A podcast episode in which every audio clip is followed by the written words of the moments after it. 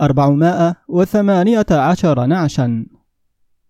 في إحدى المدن الأمريكية تحرك موكب من 418 نعشا. المرافقون للجنازة كانوا يلبسون الكمامات وعلى طول الطريق أعلنت حالة الطوارئ في المستشفيات ووزعت الأقنعة والعقاقير المضادة.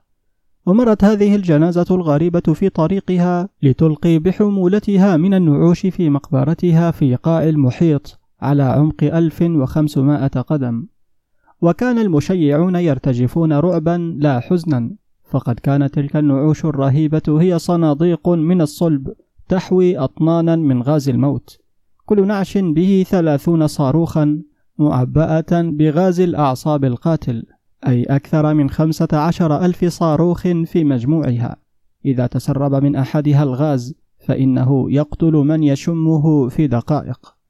وقد قررت أمريكا التخلص من هذه الغازات ليس حبا في السلام ولا زهدا في القتل ولكن لأنها اخترعت وسائل ميكروبية وكيميائية أشد فتكا من هذا الغاز الربابيكيا واستحدثت موضات أسرع في الإجهاز على ضحاياها من هذا الغاز الموضة القديمة.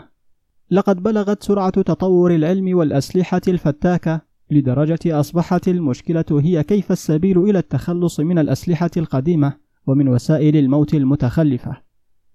إن اختراع المدفع الرشاش كان إيذانا بنهاية عصر بندقية الخفراء وقنبلة الهاون طردت قنبلة مولوتوف من السباق والقنبلة الذرية جعلت الحرب التقليدية مثل حرب الهروات وغاز الأعصاب جعل غاز الخردل موضة قديمة واليوم غاز الأعصاب أصبح ربابيكيا وظهرت موضة حرب الطولاريميا وهو توكسين ميكروبي أي سم يوضع في الأنهار فتموت مدن على بكرة أبيها وقنبلة هيدروجينية مدارية توضع في قمر صناعي يدور في فلك حول الأرض ثم توجه للسقوط بأزرار من قواعد إلكترونية على الأرض فيقع الموت على قارات فيغرقها. وفي الطريق قنبلة الكوبالت وقنبلة نيوترون وقنبلة نيوترون هذه يمكنها أن تشق الأرض نصفين مثل البرتقالة أو تنثرها أجزاء فتتحول الأرض إلى سحابة من الحصى تسبح في الفضاء. والدول الكبرى تتسابق الآن في التخلص من ترساناتها من الأسلحة القديمة بإلقائها في حرب فيتنام وكوريا ونيجيريا وبيعها للدول المتخلفة. وآخر خبر أن تشيعها في جنازة رسمية وتلقي بها في البحر. فليس من حسن السمعة أن تحتفظ الدولة الكبرى في ترساناتها بسلاح ضعيف.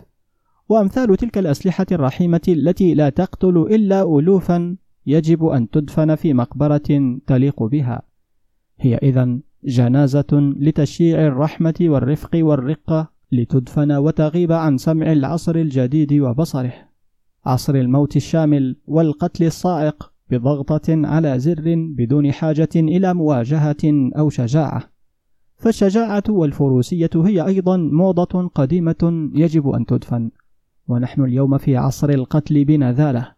وترك المواجهة ليتولاها ميكروب في الظلام أو سم قاتل يتسلل في خفاء إلى العروق أو غاز بلا رائحة يتلصص إلى الصدور. بينما أصحاب هذه الصدور يتنفسون غافلين في أمان. إنها حرب الست ثواني وقتال المكيدة والطعن في الظهر والشراك الإلكتروني الغادر.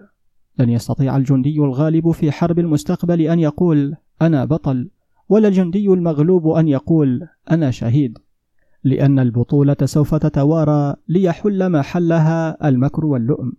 سوف تنتصر الميكروبات وتكسب لنا الحروب.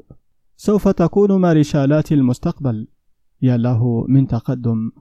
أخيرا عرف الإنسان مكانه خلف الميكروب ووراء الفيروس وتحت قيادة الجراثيم.